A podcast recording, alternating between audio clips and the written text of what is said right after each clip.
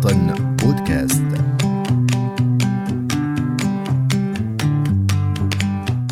تم استبدال أمن المواطن بأمن الدولة وادخلوا المواطن فيه. فصار المواطن في أمن الدولة ولحد الآن الكثير من المواطنين لم يخرجوا منه. بودكاست وطن إعداد وتقديم فاتح حبابة.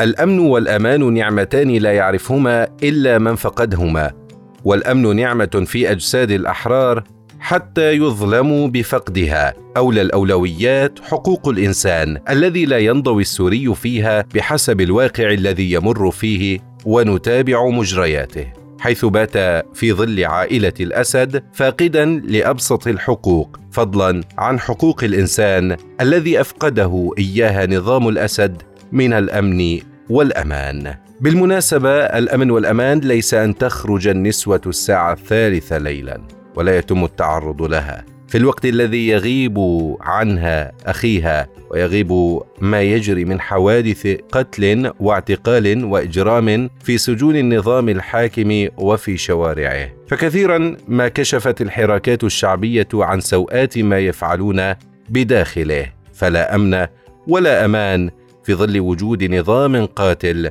كما يقول البعض وللحديث حول هذا الموضوع يسعدني أن أرحب بالأستاذ علي عيسو مدير موقع إزدينا والرئيس السابق للمركز التعليمي لحقوق الإنسان في ألمانيا. أهلا ومرحبا بكم معنا في هذه الحلقة أستاذ علي. تحية طيبة لك أستاذ فاتح، تحية طيبة لجميع المستمعين. حياكم الله.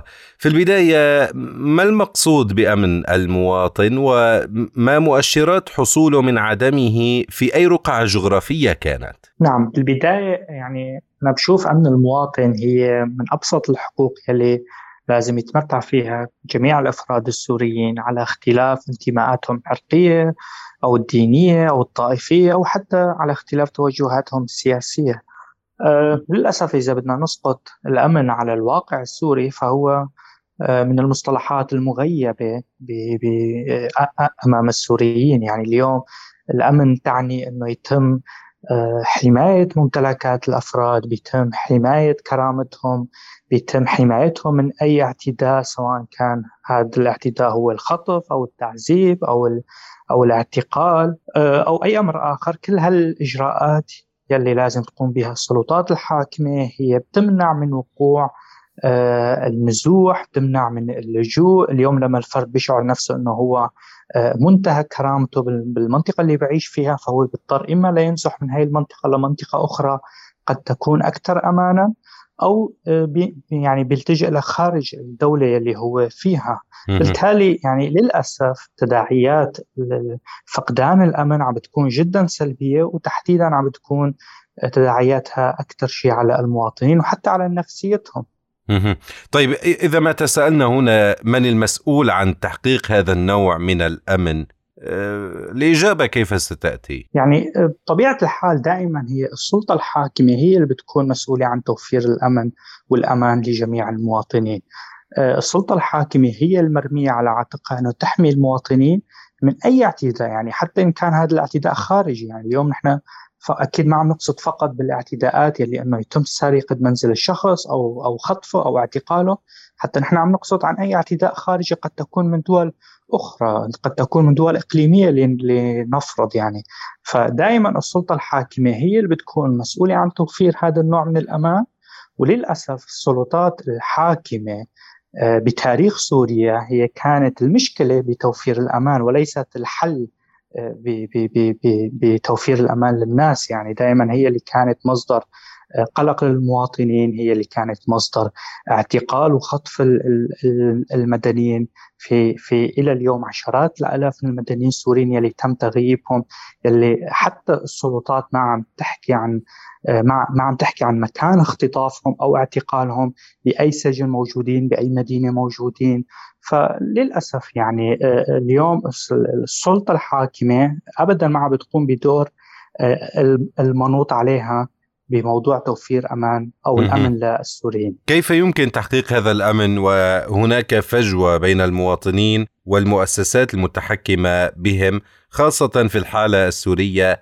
ويعني كما نتابع سويا في مناطق السيطرة نجد مؤسسات مهمتها حفظ الأمن ولكن ربما يعني ضئيلة نوعا ما. ولكنها جيدة مثلا إذا ما قارناها فيما آه، بينها البين. نجد بعض الواقع الأمني المفروض آه، أو المعاش في بعض مناطق سيطرة المعارضة أفضل حتى من مناطق النظام. الربط هنا بين المواطن والمؤسسة إلى أي مدى مهم برأيك؟ نعم صحيح. يعني آه، في نقطة جدا مهمة موضوع الفجوة بين الأفراد وبين السلطة. يعني عادة الأفراد لما بيشعروا بأي تهديد سواء من قبل جارهم أو من قبل أي شخص آخر أو حتى من قبل جماعة أخرى فدائما بتوجهوا للسلطات بتقديم الشكوى. إنه فلان شخص نحن عم نشعر إنه في اشتباه بتحركاته أو عم بيعمل اشياء غير منطقيه فبتكون هون يعني هون بيكون الفرد متعاون مع السلطة لنشر الأمن. بس ولكن بالحالة السورية الأمر مختلف. بالحالة السورية السلطة هي هي اللي بتكون دائما بموقع المجرم أو المعتدي يلي عم بينكل بالمدنيين وهذا الأمر جدا فظيع ومؤلم إنه يكون في فجوة جدا كبيرة من قبل آه، من بين الطرفين الأفراد وبين طرف السلطة. إذا بدنا نحكي عن نسب الأمان بسوريا ف يعني إذا بدنا ندقق أكثر بهذا المصطلح ما فينا نقول إنه في رقعة جغرافية بسوريا هي تعيش بحالة أمان 100% بس ولكن النسب متفاوتة يعني نعم. المناطق الخاضعة لسيطرة النظام قد تقارن فقط بالمناطق اللي كانت خاضعة لسيطرة داعش لأنه التنظيمين يلي هو تنظيم داعش وتنظيم النظام السوري مارسوا إلى حد ما جرائم متشابهة ضد السوريين فبالتالي يمكن المقارنة بينهما. بس ولكن المناطق الأخرى يلي ما بتخضع لسيطرة النظام سواء كانت مناطق الخاضعة لسيطرة الفصائل المعارضة أو حتى إلى الإدارة الذاتية هي بتكون نسب الأمان فيها متفاوتة متفاوتة. يعني اليوم هي المناطق جميعا ما فيها تحمي المواطنين من أي اعتداء خارجي ما فيها ما فيها تحمي المواطنين من حتى آه، فينا نقول إنه هي الاعتداءات يلي بت يلي بتسببها الغزوات الخارجية آه، من الدول الاخرى نحن شفنا مثلا على سبيل المثال عفرين النسب نسب الأمن مثلا إن كانت جيدة أو لا بأس بها في منطقة عفرين سابقا. ولكن هي هي السلطة اللي كانت موجودة في عفرين لم تكن قادرة على إنها تحمي المدنيين أمام اعتداء آه، تركيا. فبالتالي اليوم إحنا عم نشوف في تفاوت ودائما الأمر الآخر اليوم الشعب السوري بتطلعاته دائما بيطمح نحو الأفضل بيطمح نحو الحرية. وبيطمح نحو إنه يتم حماية كرامته من أي اعتداء آخر. نعم. فبالتالي اليوم إذا كان السلطة الحاكمة في أي رقعة لا تخضع لسيطرة النظام نسبة الأمان مهما تقدمت تبقى ضئيلة. طيب هي آه، هنا هنا أريد آه، وفق هذه النسب يعني هذه النسب ربما آه، تأخذنا إلى سؤال انعكاس أمن المواطن على سلامة الدولة أو سلامة المتحكمين فيها. يعني إلى أي مدى كلما زادت نسبة الأمان كلما ازدادت سلامة الدولة؟ طبعا الأمر جدا مترابط. اليوم كل ما شعر المواطن إنه هو فعلا بأمان فهو أكيد رح يكون أكيد هذا الأمر رح يكون في لها تداعيات إيجابية على الدولة نفسها على قوة الدولة على قوة الجيش على قوة الأجهزة الأمنية والقضائية وجميع الأجهزة.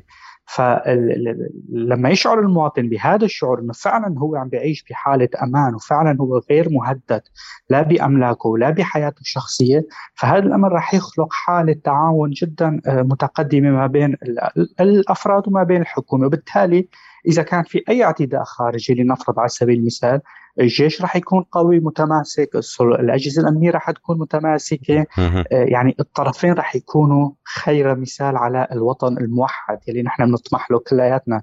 بس ولكن بالواقع السوري للأسف هذا الأمر بعيد المنال.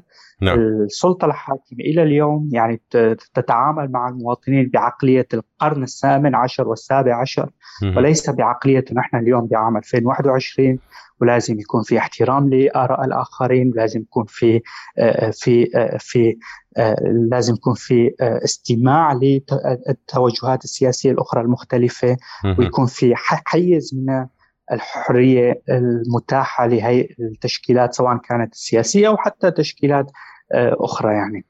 شكرا جزيلا لكم لوجودكم معنا في هذه الحلقة من بودكاست وطن الأستاذ علي عيسو. مدير موقع إس دينا والرئيس السابق للمركز التعليم لحقوق الإنسان في ألمانيا أشكرك جزيل الشكر شكرا لكم أيضا. مستمعينا الكرام، الأمن والأمان غايتان لا بد منهما، ومن الواجب على المؤسسات المعنية والقائمة على هذا الموضوع أن تضع نصب عينيها المواطن، لا أن تكون امنا للدولة وارهابا على المواطن، فهو الأساس الذي يجب أن تحميه لا الفريسة التي يجب الانقضاض عليها. وإلى لقاء آخر ها هو فاتح حبابه يحييكم دمتم في أمان الله. وطن بودكاست